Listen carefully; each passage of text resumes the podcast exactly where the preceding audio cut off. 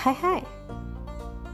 Here we're gonna have a free talk, a literally and sincerely a free talk. In each episode, we could say about mental health, and another episode about food, and an episode about gossip, anything would like to talking about. And here I will say it out loud to myself who listen and to you all over the world. And I'm so sorry. I'm not gonna share any negativity, only positivity. Because this is a free talk that you're gonna have and that you're gonna ever need it. We just want to listen anything randomly, and that's fascinating. Keep it up.